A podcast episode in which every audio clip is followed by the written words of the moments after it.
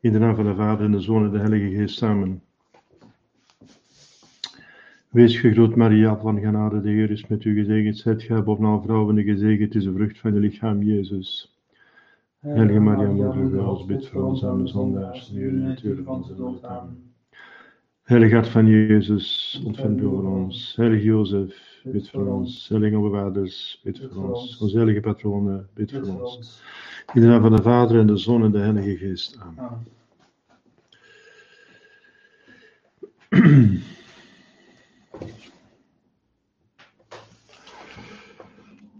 Zo, uh, wij waren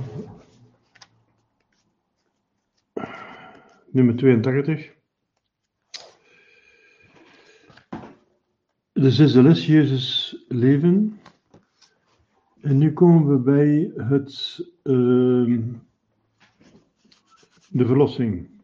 Dus eigenlijk het doel waarvoor Jezus op aarde gekomen is, de verlossing.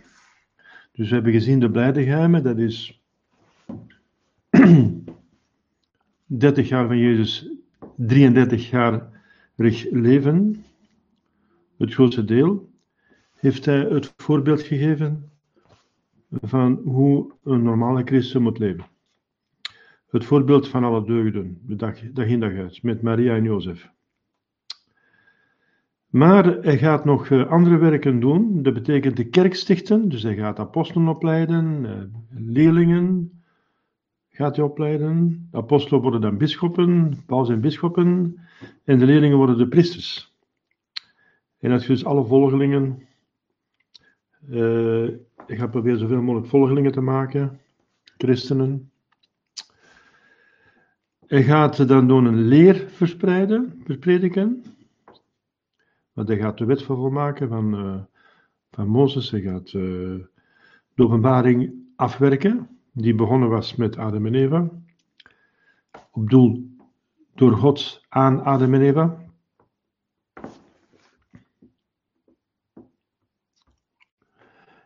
En uh,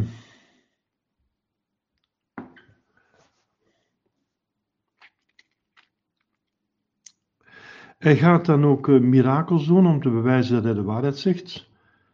Ook om goed te doen aan de mensen, want God is goed, hij wil de mensen goed doen. Zoals een duivel de mensen wil, doen lijden en doen sterven en uh, wil God de mensen doen leven en goed doen.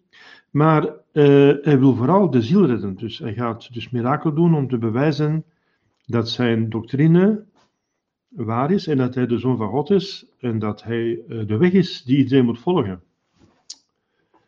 Hij gaat dus alle zieken genezen, allemaal. Hè? Dus het evangelie zegt alle, alle zieken.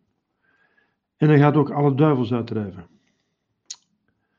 Van iedereen die zich aan hem aanbiedt. En iedereen die uh, hem vraagt om genezen te worden. En dan gaat hij uh, de laatste dagen van zijn leven de eigenlijke verlossing volbrengen. Dus hij gaat de marteldood sterven in onze plaats. Dat gaat Jezus, de Zoon van God, allemaal doen. Jezus, de Zoon van God, die wordt dus mens om dat allemaal te doen. De tweede persoon wordt mens om het allemaal te doen voor ons. Dus we volgen dan de catechismus, die geleden heeft onder Pontius Pilatus, gekruisigd en is gestorven en begraven. Dus de catechismus legt, zoals u weet, de artikelen uit van het, de credo van de apostelen. Wat heeft Jezus Christus geleden voor ons? Hij heeft voor ons armoede, geboren in een stal enzovoort. Vernedering, hij was ongekend, door de fariseeën werden uitgemaakt als bezitten van een duivel. Vervolging, ja, tot aan de marteldood. Doorstaan op de dag van zijn lijden werd hij gevangen genomen, uh, bespot. Enfin, de dag, dat is uh, 24 uur, laten we zeggen. Want uh, hij is op donderdag al gevangen genomen, donderdagavond, en vrijdag is hij gestorven. dus een dag betekent de 24 uur. Gevangen genomen, bespot, gegeeseld door de Romeinen op Romeinse wijze. Dus, uh, met doornen gekroond, ook weer door de Romeinen, en gekruisigd, ook weer door de Romeinen, maar op aandringen en op aanzetten van de leiders van het Joodse volk. Jezus zal zeggen aan Pilatus: Gij hebt schuld, maar grote schuld heeft hij die mij aan u heeft uitgeleverd, overgeleverd. Dat zijn de oversten van de Joden. Ja, en daar is al heel veel over te zeggen. bijvoorbeeld, uh, daar gaan alle lijdensmeditaties over. Dat hebben dus, daar hebben de heiligen en de kerkvaders duizenden bladzijden over geschreven. De vier evangeliën gaan erover. Um, hij heeft gans zijn leven geleden. Maar het is pas. Um,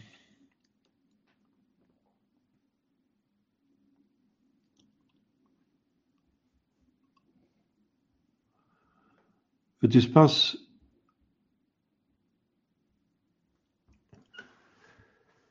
op het einde dat het natuurlijk crescendo gaat.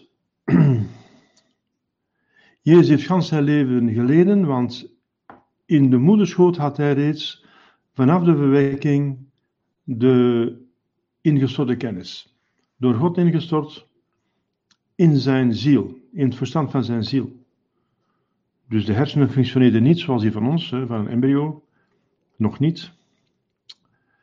Maar uh, wij hebben de hersenen nodig om te denken. Maar het verstand zit, zit fundamenteel in de ziel. En als de ziel kan functioneren zoals een engel, door ingesloten kennis, dan kan het uh, verstand functioneren zonder het lichaam, zonder de hersenen. En bij Jezus was dat het geval.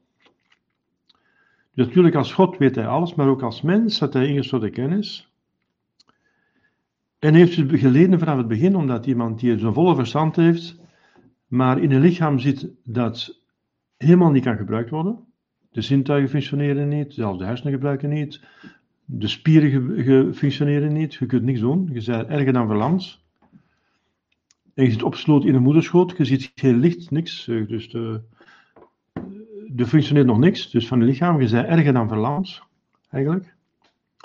Dan is het al een lijden als je bij bewustzijn bent. Wij hebben daar niet onder geleden, want wij hadden geen bewustzijn. Jezus had wel een bewustzijn, dus hij heeft al geleden vanaf het begin. En heeft alles opgedragen aan God. In onze plaats heeft hij God aanbeden, gedankt, vergiffenis gevraagd voor de zonde en alle genade afgesmeekt die we nodig hadden om naar de hemel te gaan en om gelukkig te worden. En dan gans zijn leven lang heeft hij dus uh, geleden, want uh, uh, heeft het dagelijks kruis zoals wij ondergaan. Hè. En soms was het erg, zoals de vlucht naar Egypte, werd hij met de dood bedreigd. Klein kindje moest dan naar Egypte. Die heeft waarschijnlijk kou ondergaan, ongemakkelijkheden van de reis doorheen geschud en zo. Van, van het, uh, hij werd wel door zijn ouders gedragen, maar ja, het kind ondergaat toch wel de schokken van de, van de verplaatsing. Dan in Nazareth heeft hij dus dag in dag uitgewerkt. Dat is het Thalens Kruis, de weegt kan wegen. 30 jaar heeft hij dat gedaan, een voorbeeldig leven geleden. En dan, uh, ja, bij zijn publiek leven gaat hem de, het, het, het, uh, zowel het succes gaat crescendo, gaat vooruit. Hij wordt gekend, uh, hij wordt geapprecieerd, hij wordt geëerd, hij wordt geconsulteerd, hij wordt gevraagd. Hij wordt zelfs aanbeden als God, door sommigen, hè, die hem reeds herkennen als God. Dat is natuurlijk troost, troostvol. Maar tegelijkertijd leidt hij onder degenen die hem verwerpen. Dus hij is werkelijk degene die de mensheid in twee splitst. Degenen die voor zijn en tegen zijn. Die naar de hemel gaan, naar de hel gaan. Dat is vanaf het begin dat hij begint te prediken, is dat zo. Ziet je degenen die hem aanvaarden en degenen die hem verwerpen. Diegenen die aanvaarden, die troosten hem. Dat zal zijn tot onder de kruisweg. Onder de kruisweg zijn er wel een aantal mensen die hem troosten. Te beginnen met Maria. De, de vierde statie zal Maria ontmoeten en ze gaat hem proberen te troosten.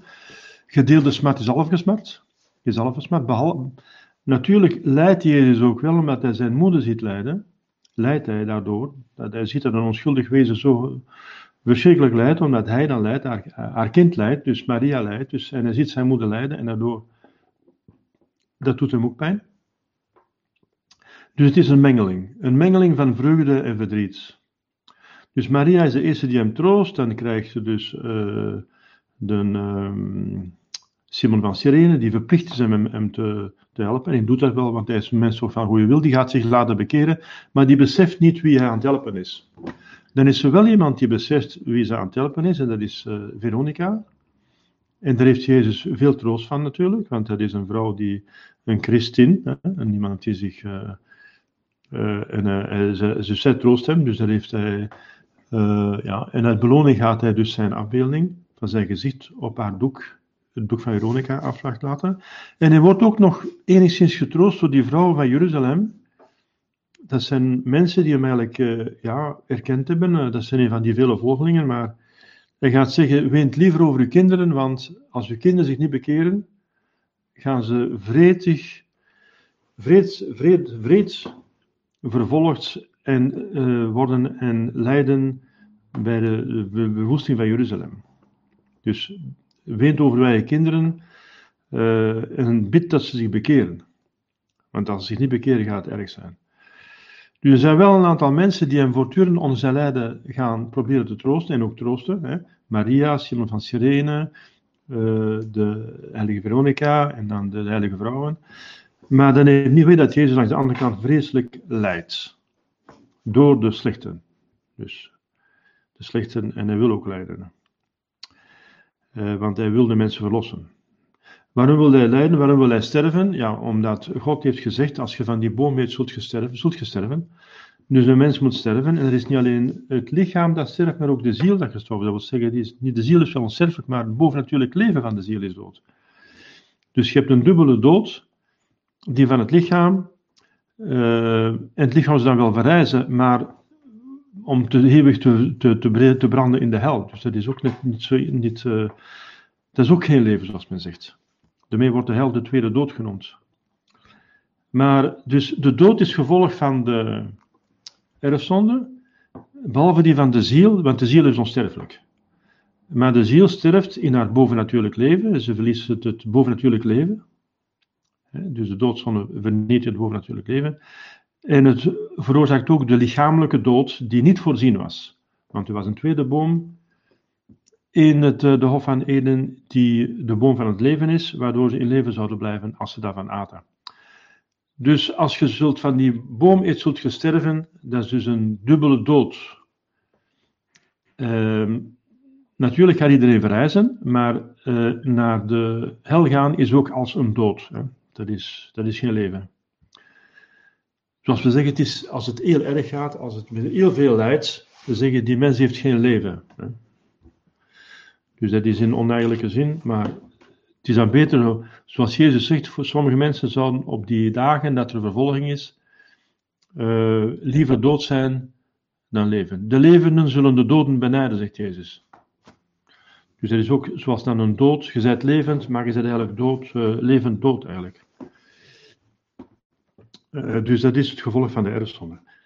En dus een mens moet sterven, dus Jezus zou mens zijn. En dan kan hij in onze plaats sterven. Daarvoor heeft hij willen sterven, om de straf in onze plaats te ondergaan. En zoals u weet, omdat die persoon goddelijk is, heeft dat lijden een oneindige waarde. Een eindeloze waarde en die is in staat om alle mensen vrij te kopen. Alle mensen, miljarden mensen, omdat het dus, miljarden dat is nog een getal, maar oneindig, dat is een getal zonder einde. Dus, dus, dus omdat hij God is, heeft dat lijden een oneindige waarde. Dus Jezus gaat door zijn lijden iedereen vrijkopen. Iedereen betekent de vrijkoop betalen. Hij ons verlost. Maar uh, je moet nog de check willen komen, gaan afhalen. Dus je moet van goede wil zijn. Alleen de mensen van goede wil die de, die de verlossing aanvaarden, die in hem geloven, zijn geboden onderhouden en zijn sacramenten willen uh, aanvaarden en die alles willen doen wat de, hij en de kerk voorschrijft, die pas gaan naar de hemel. Dus heeft wel het geestelijk kapitaal heeft de, heeft de schuld betaald.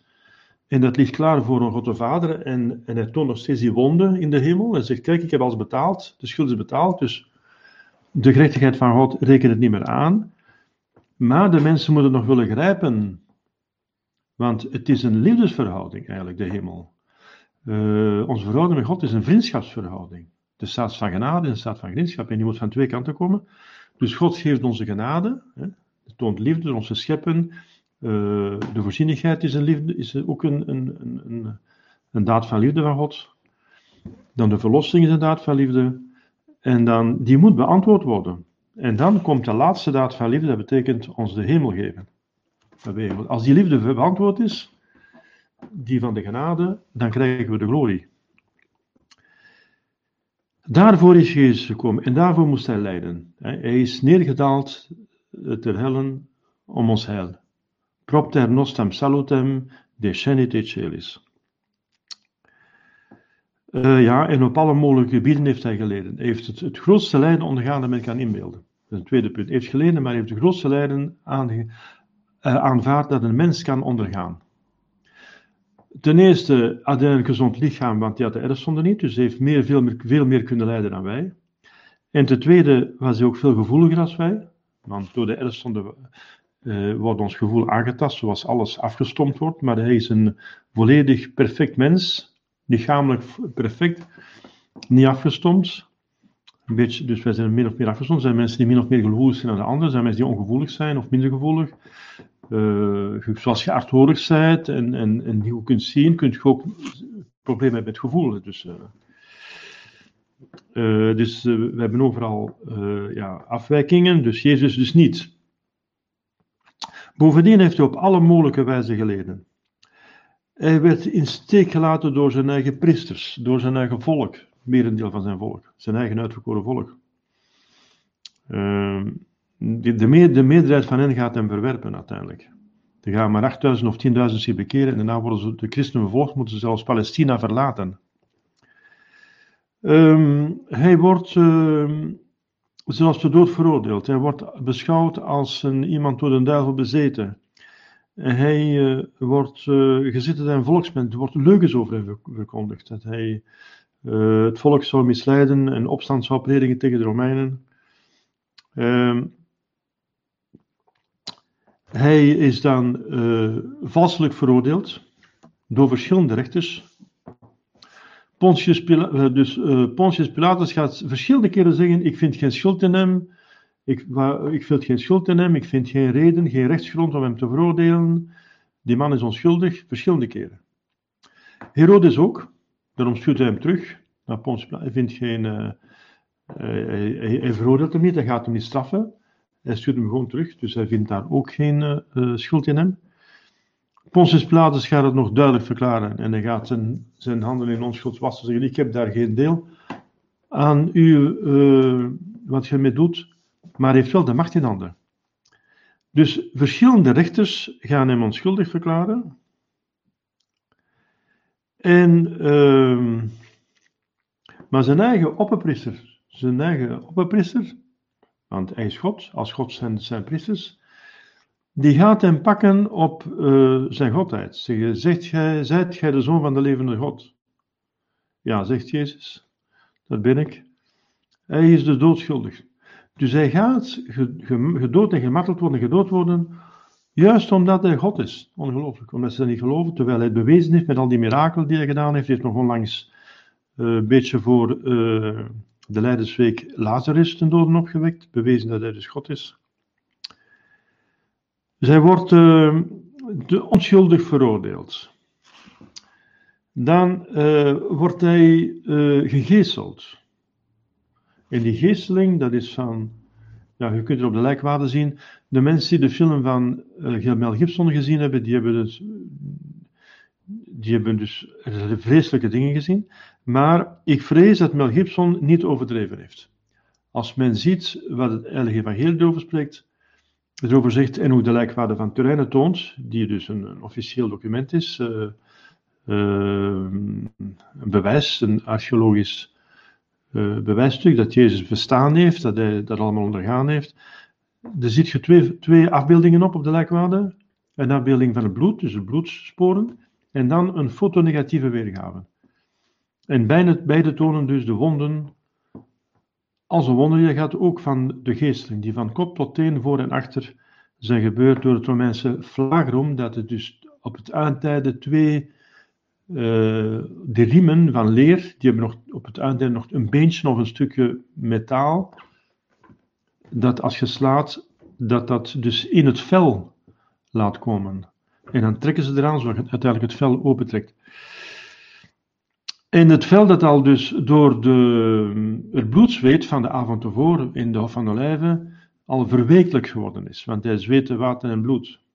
Het vel was al week geworden. En iemand die water en bloed zweet, dat is volgens een dokter, dat is een hematidrose heet dat. Een hematidrose, dat krijg je als je buitengewoon uh, angst hebt. Dus een gemoedsbeweging, buitengewoon. Dan kun je dus door de emotie, uh, dan zwellen dus die, die zweetpilsjes op, die dan de, de haarvaatjes gaan kwetsen en open, openmaken. En dan komt er bloed in het zweet terecht en dan komt je, zo gaat je bloedzweet krijgen. En dat, het gebeurt door een geweldige spanning. Dus dat toont dat Jezus psychologisch geweldig geleden heeft. Want uh, tussen haakjes, je kunt zeggen, ja, hij heeft de zalige godsaanschouwing, omdat hij God is, ja, dat klopt. Maar hij gaat om te kunnen leiden die zalige godsaanschouwing, tenminste die vertroosting die hij daarvan heeft, gaat hij opschorten. En dat wordt uitgedrukt door de Psalm 21, die gaat citeren en gaat zeggen, mijn God, mijn God, waarom heb je mij verlaten? Dat betekent, waarom hebben u vertroostingen mij verlaten? Dat betekent, ja, waarom? Ja, omwille van de zonde van de mensen natuurlijk, om, mij, om te kunnen uitboeten. Dus dat is een retorische vraag. Mij verlaten, want God kan hem niet verlaten, want hij is God. Dus hij kan zichzelf niet verlaten. Dus, maar dat is dus de vertroostingen van God hebben hem verlaten. Betekent dat. Dat betekent dat hij echt leidt, ook van binnen. Dat hij niet meer getroost wordt door het feit dat hij een zalige godsaanschouwing heeft, omdat hij tegelijk met zijn God is. De geesteling. Uh, het verraad van Judas, van een van zijn vrienden. Hm? van zijn, van zijn trouwste vrienden, waar hij zoveel aan gegeven heeft, de apostelen. Die zijn, die zijn, die zijn, die zijn nauwste vrienden waren. Een van hen wordt een verrader. Die zich daar niet bovendien nog gaat ophangen, dus die, waarvoor de verlossing van niets geweest is. Petrus gaat, die, die, die, die en ook, maar die gaat tenminste spijt hebben. Judas gaat zich ophangen, dus die is al verloren gegaan. Dat bloed is al voor niks vergoten voor Judas. Want hij heeft voor iedereen van ons zijn bloed vergoten, zoals ik zei. Iedereen kan naar de hemel gaan. Iedereen heeft voldoende genade om naar de hemel te gaan. Daarna ja, heeft gans zijn leven dat lijden voorzien. Gans zijn leven heeft dat gezien. Uh. Ja. Ja, er zijn, uh, dus er is iemand die onderbrekingen heeft, maar. Dus uh, ik heb een heel goede. Als er andere mensen onderbrekingen hebben, dan moet ik maar zeggen. Ik denk niet dat, dat andere mensen onderbrekingen hebben, want anders zouden ze wel iets gezegd hebben. Ja. Internetonderbreking. Dus ik denk niet dat het van mijn kant is, want ik heb een goede. Ja, een goede internetverbinding. Het lijden van Jezus de geesteling, hij wordt bespot met doornen gekroond. Dat zijn doornen die men gevonden heeft uh, in de omgeving van Jeruzalem. En men ziet duidelijk in de lijkwade, aan die sporen van de lijkwade, dat dat zo'n lange uh, dus, uh, waren van een struik die daar in de buurt dus groeit. Dat helemaal, niet in de schedel, want dat is natuurlijk een, een, een been, maar in het vel van de schedel, schedel door vrede doordringt.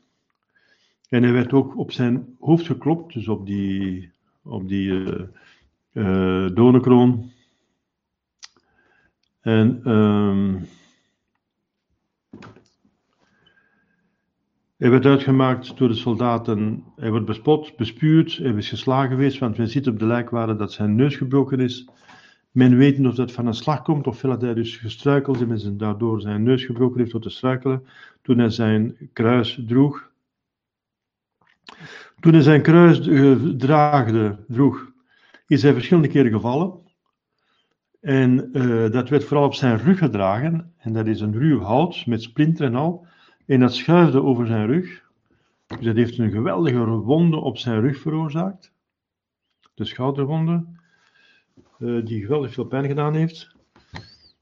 Uh, op de plaats van de executie, die een berg is, waar hij moest naar boven trekken, Um, werd hem azijn aangeboden, heeft even geproefd, maar heeft niet gedronken, want hij wou niet bedwelmd worden, hij wou het lijden volledig ondergaan. Ze hebben dan uh, dus zijn handen en voeten, maar het zijn de wortels van zijn handen.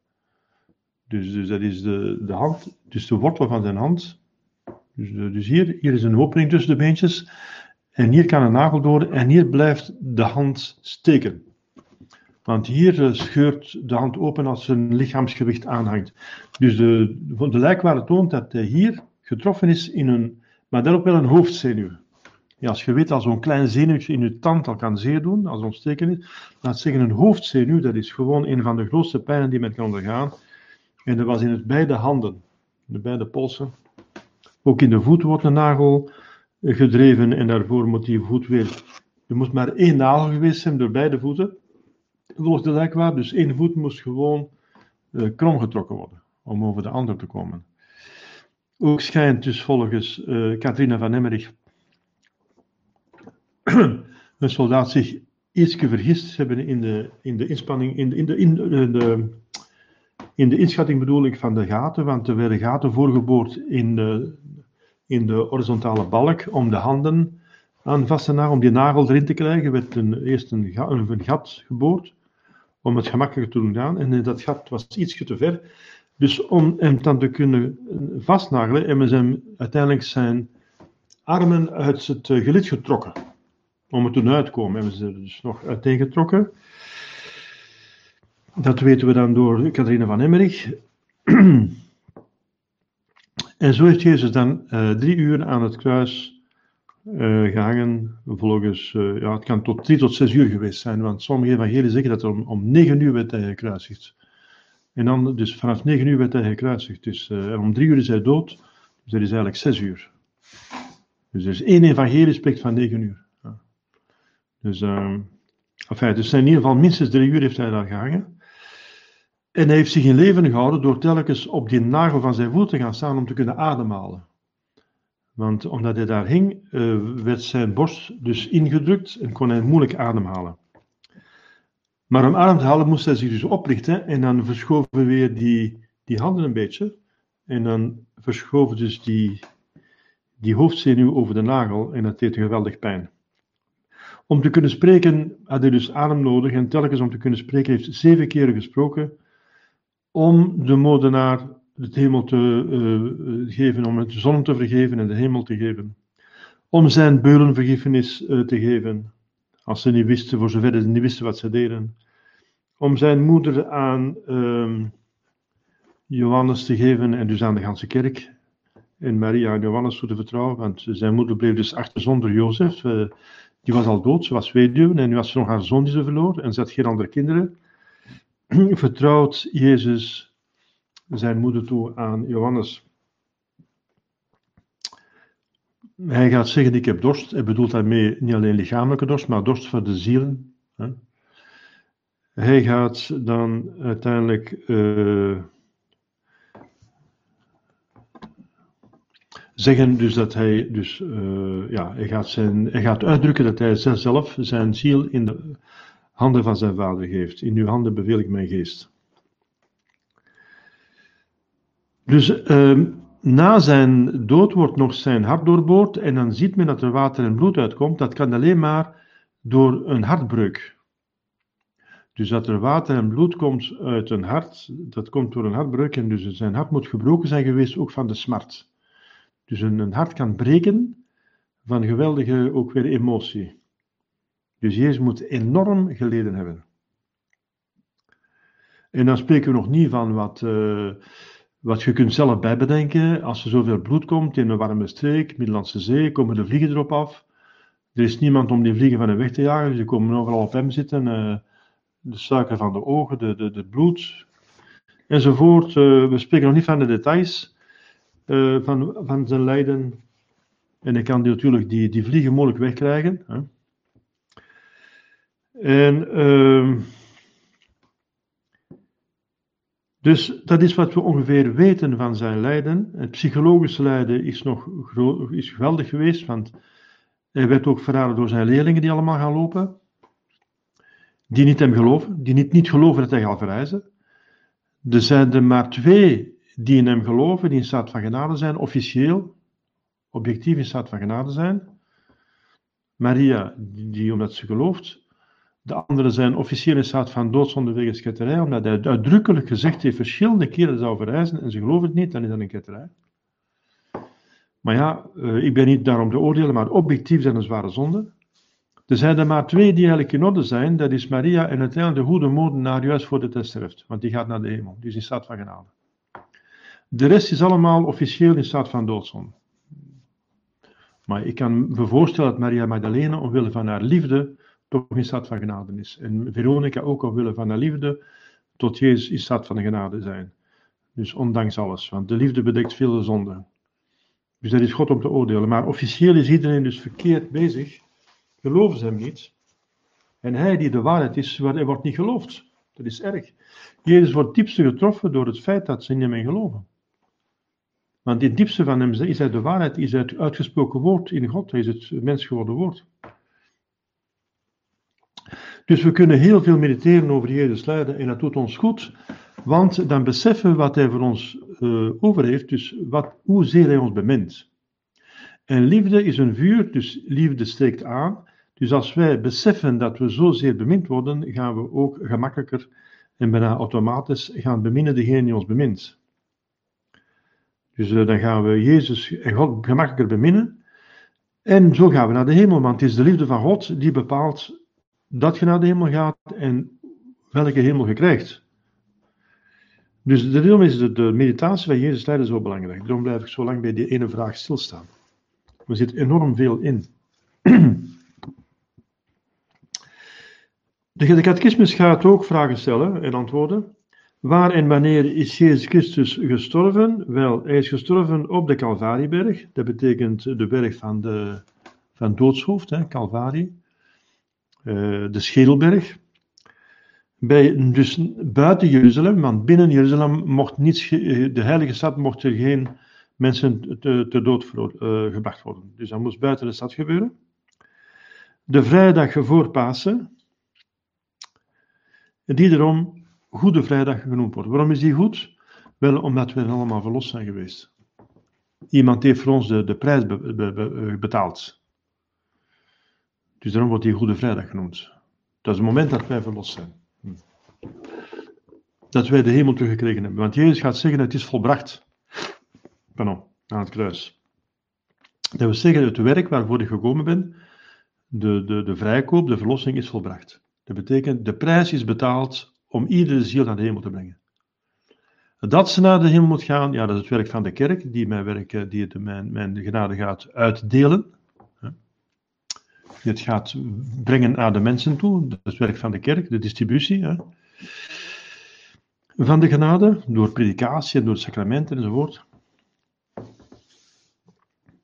Door het herdersambt van de, van de priesters, de bisschoppen en de paus. En uh, door het uh, aanvaarden van de mensen, individueel, uh, gaan ze gered worden. Concreet. Daarom zegt Jezus op het, op het laatste avondmaal: Mijn bloed dat voor velen wordt vergoten. Voor u en voor velen wordt vergoten. Voor u is ook weer plus minus, want voor Judas is dan ook weer verloren gegaan. Maar, en dan zit hij voor velen. Daarmee bedoelt hij dat het, dat het efficiënt wordt. De vergiffenis van de zonde vernoemt hij erbij dus. Vergoot de vergiffenis van de zonde. Want voor velen, voor allen wordt het vergoten, maar niet tot vergiffenis van de zonde, want voor de vergiffenis van de zonde moet er nog spijt zijn van degene die het ontvangt. Ik zeg, er moet een wederwoord zijn, er moet een antwoord zijn, de liefde moet beantwoord worden. Dus van Gods zijde is alles betaald, het is volbracht, maar van de mensen zijde moet er nog iets zijn, ze moeten het nog aanvaarden. Ze moeten aanvaarden van Jezus te geloven, zijn de onderhouden, en van het sacrament ontvangen, en van te volharden tot het einde, enzovoort. En talens kruis te aanvaarden, enzovoort. Ze moeten van de mensen kant iets komen, en dan, inderdaad, zijn ze gered. Daarom zegt Jezus velen. Dus voor allen heeft hij de prijs betaald, maar niet allen gaan naar de hemel, omdat van de mensen hun kant nog van alles gaan verkeerd gaan, en zal begonnen met Judas. Zal begonnen met Judas. ja, hier staat het. Voor wie heeft Jezus Christus geleden en is hij gestorven? Hij is geleden voor alle mensen en voor iedereen bijzonder. Zoals ik u uitgelegd heb. In principe ja, in de praktijk alleen degene. Want dat is dan de volgende vraag. Worden dus alle mensen zalig? Nee. Weet je? Niet alle mensen worden zalig, maar alleen zij die de middelen gebruiken om aan de verdiensten van Jezus lijden en dood deelachtig te worden. En vanaf het begin zegt hij: Bekeert u, want het koninkrijk der hemel is nabij. En dat is de kerk. Want de kerk is de hemel op aarde. Dat is de liefde ons naar de hemel brengt. Maar uiteindelijk zit je al in de hemel, in het voorportaal. De kerk. Uh, maar hij, onmiddellijk vereist hij gelooft. Uw geloof heeft u gered. Uh, wie gelooft is gered, wie niet gelooft is, is, niet, is, is reeds veroordeeld. En dan, wie de, de geboden onderhoudt, dat is degene die mij bemint. Als je mij bemint, onderhoudt mijn geboden. En dan toop ze in de naam van de Vader. Dus, dat zijn allemaal dingen die we moeten doen. Om dan dus aan Jezus lijden en dood deelachtig te worden. Uh, heeft Jezus Christus geleden en is hij gestorven als God of als mens? Ja, als God kan hij niet lijden. God is on, uh, on, on, uh, ja, ik zeg het dus on, is niet um, onkwetsbaar. Hè? Dus God is gelukkig, God kan niet ongelukkig zijn, God kan niet lijden, God kan, God kan niet lijden. Onmogelijk. Maar als mens heeft hij geleden. En omdat hij God is, heeft hij verdiend. Dus Jezus Christus heeft geleden en is gestorven als mens, want hij heeft de menselijke natuur, uh, ziel en lichaam. Want als God kon hij nog lijden, nog sterven. Maar zijn geringste lijden had een oneindige waarde uit kracht van zijn goddelijke persoon. Dus hij had, geen, hij had wel een menselijke ziel en lichaam, maar geen menselijke persoon. Het was een goddelijke persoon. Waarom heeft Jezus Christus zo'n bitter lijden en zo'n smadelijke dood willen ondergaan? Wel, ten eerste, om overvloedig aan de goddelijke rechtvaardigheid te voldoen.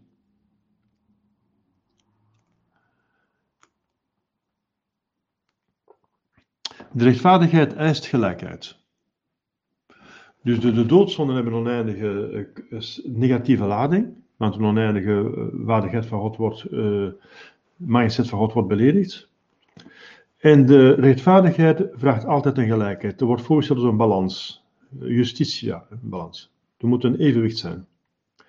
Zoveel kwaad gedaan, dan moeten we zoveel goed maken. 500 euro gestolen, 500 euro betalen. 5000 euro gestolen, 5000 euro betalen. 1 miljoen euro gestolen, 1 miljoen euro enzovoort. Plus nog de schadevergoedingen die erbij komen worden. Dus dat is de gerechtigheid. De gerechtigheid vraagt gelijkheid. Wel, oneindig kwaad gebeurt door de zonde, dus een oneindig goed kan het goed maken. Dus hij moet dan, uh, ja, het is uh, een God die dan zoveel leidt. Goddelijke rechtvaardigheid te voldoen. Om ons zijn oneindige liefde duidelijker te maken. Dus het deed niet alleen de rechtvaardigheid van God, maar ook de barmhartigheid van God. Zijn oneindige barmhartigheid.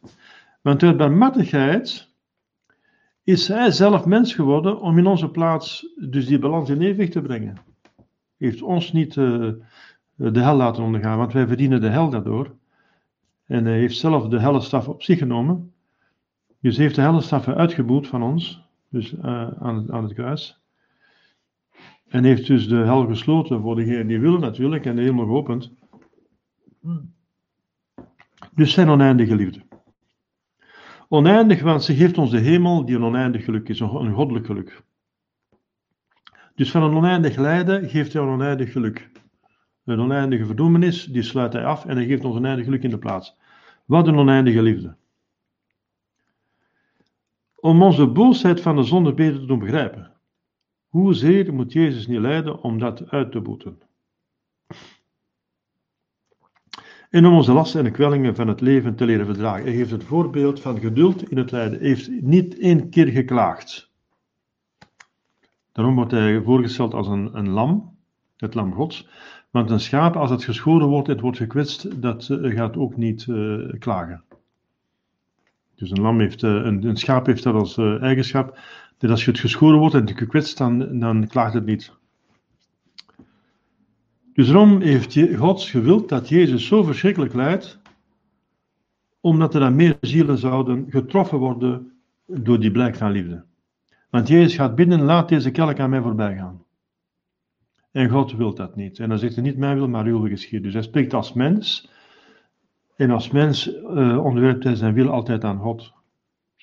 Maar God wil dat het zo verschrikkelijke lijden is, omdat daardoor meer harten zouden geraakt worden. Meer harten zouden begrijpen hoezeer ons God ons bemint dat hij tot zoiets in staat is voor ons, voor ieder van ons.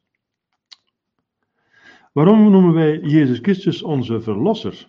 Wel, dat is evident, omdat hij door zijn lijden en dood aan de goddelijke rechtvaardigheid vooral onze zonden heeft voldaan om, en ons alzo heeft verlost van de slavernij van de duivel en van de eeuwige dood van de hel.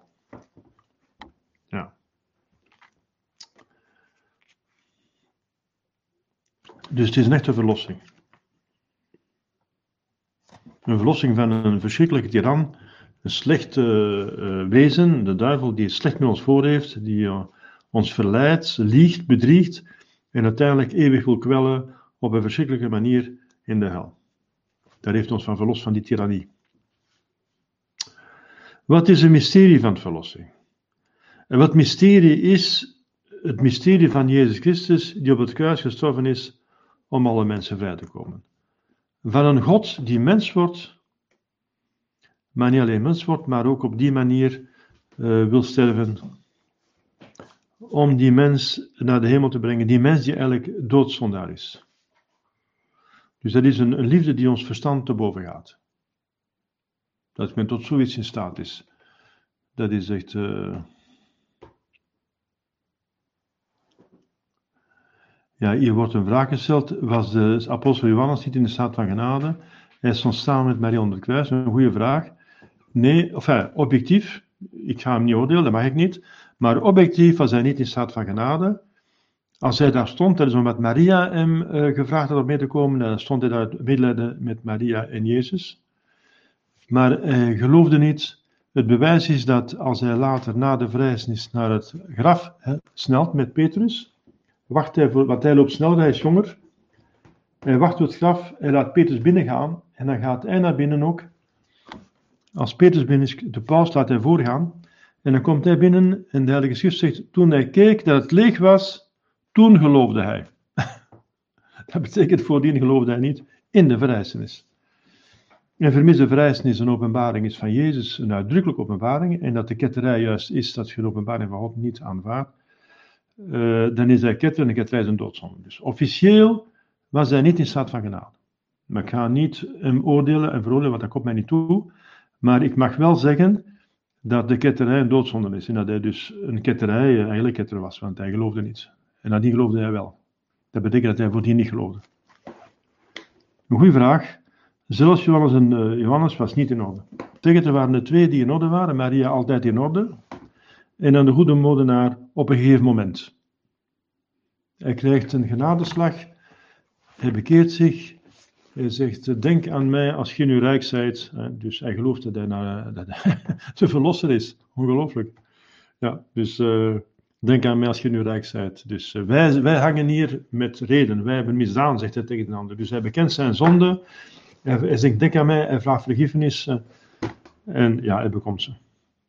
En omdat hij dus zijn lijden aanvaardt als straf voor zijn zonde, heeft hij meteen zijn zonden ook uitgeboet ergens dus een eh, volle aflaat verdiend, zou ik zeggen. Hè. En het heeft een volle aflaat verdiend eh, in het uur van zijn dood. Wij ook, als wij Jezus Maria aanroepen op het eh, uur van onze dood, we hebben een apostolische zegen gekregen.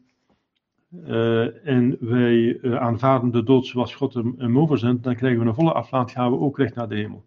Dus die uh, goede moordenaar heeft eigenlijk hetzelfde gedaan als iemand die op zijn sterfbed een volle aflaat verdient. En die daar ook recht naar de hemel gaat. Ja. Goeie vraag, inderdaad. Die vraag moet, je, moet stellen. Dat is een, maar er is ook een antwoord voor. Ja. Dus ik weet niet of hij in staat van genade, wij mogen niet oordelen, maar objectief wel. Dus is hij niet in orde. Waarom noemen wij Jezus Christus onze zaligmaker? Wel, omdat hij door zijn lijden en dood het leven van de genade en de zaligheid voor ons heeft verdiend. Ja, de zaligmaker. Hij maakt ons zalig, want ja, de hemel is zalig. Dat is een deelname aan het geluk van God. En heeft onze genade bekomen op aarde de zaligheid van zijn, en door zijn voortdurende inwerking op onze ziel, dat leven in ons voedt en ondersteunt.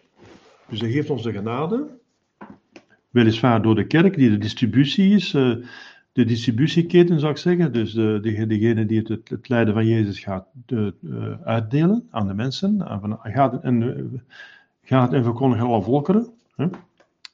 Dus wij ook, wij, ik ben bedoopt door de kerk, door een priester. Ehm, enzovoort. Uh, jullie ook, hè? dus uh, normaal gezien zegt door een priester gedoopt, of door, door iemand die ja, in een noodtoop iemand anders, maar normaal door een priester. Wij hebben de genade bekomen, alle sacramenten van de kerk.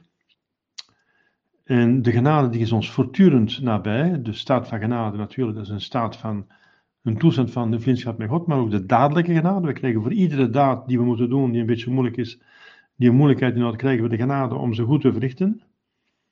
Uh, met verdiensten voor Jezus Christus. Voortdurend. Dag in dag uit, dag en nacht.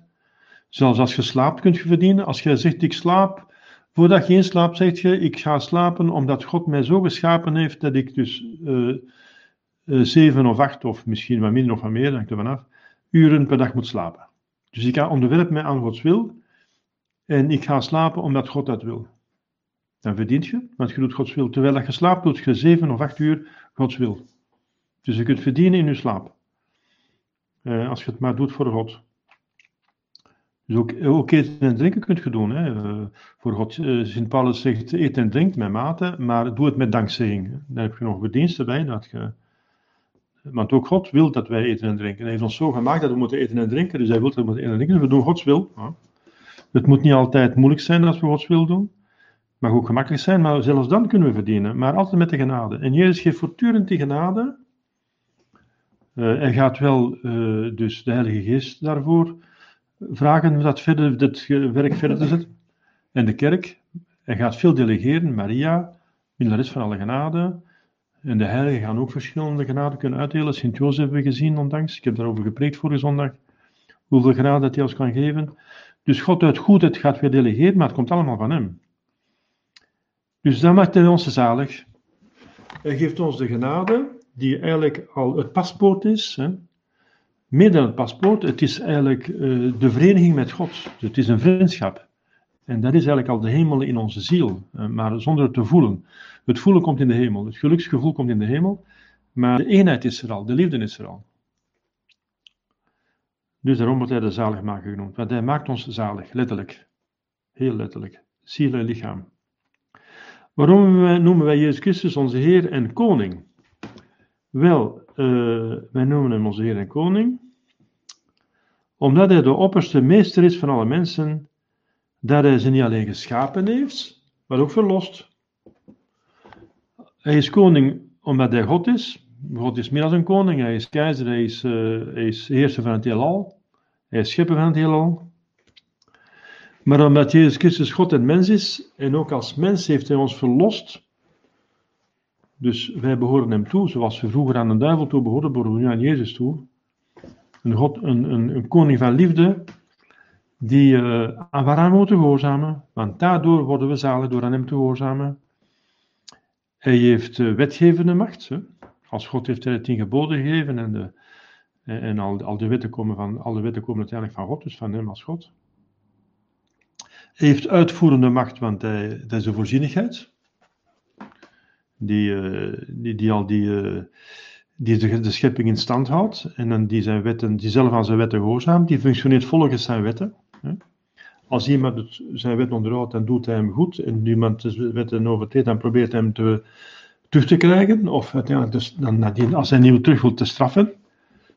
maar iedereen wordt behandeld naar dus de wetten toepast, dat is de uitvoerende macht. En dan de rechterlijke macht, ja, dat is duidelijk. Hè? dat staat in Credo. Hij zal wederkomen om te oordelen de levenden en de doden. Dus hij is de drie machten, de drie politieke machten. Dus hij is koning. Hij is zelfs veel meer koning dan een gewone koning, want hij is koning van de waarheid. Als wij de waarheid inzien, dat is omdat God onze waarheid geeft. Ons verstand doet functioneren. Want we zijn, we zijn schepselen. Ons verstand is door God geschapen, dus als wij de waarheid inzien, dan komt het ook weer door Hem. Uh, enzovoort. Dus uh, alles uiteindelijk. Dus Jezus Christus is uitdrukkelijk Heer en Koning, uh, omdat Hij God is, maar ook omdat Hij als mens, God mens, ons verlost heeft. Zo, we zijn nu, we zijn nu aan het einde van de, het, uh, de droeve geheimen van Jezus.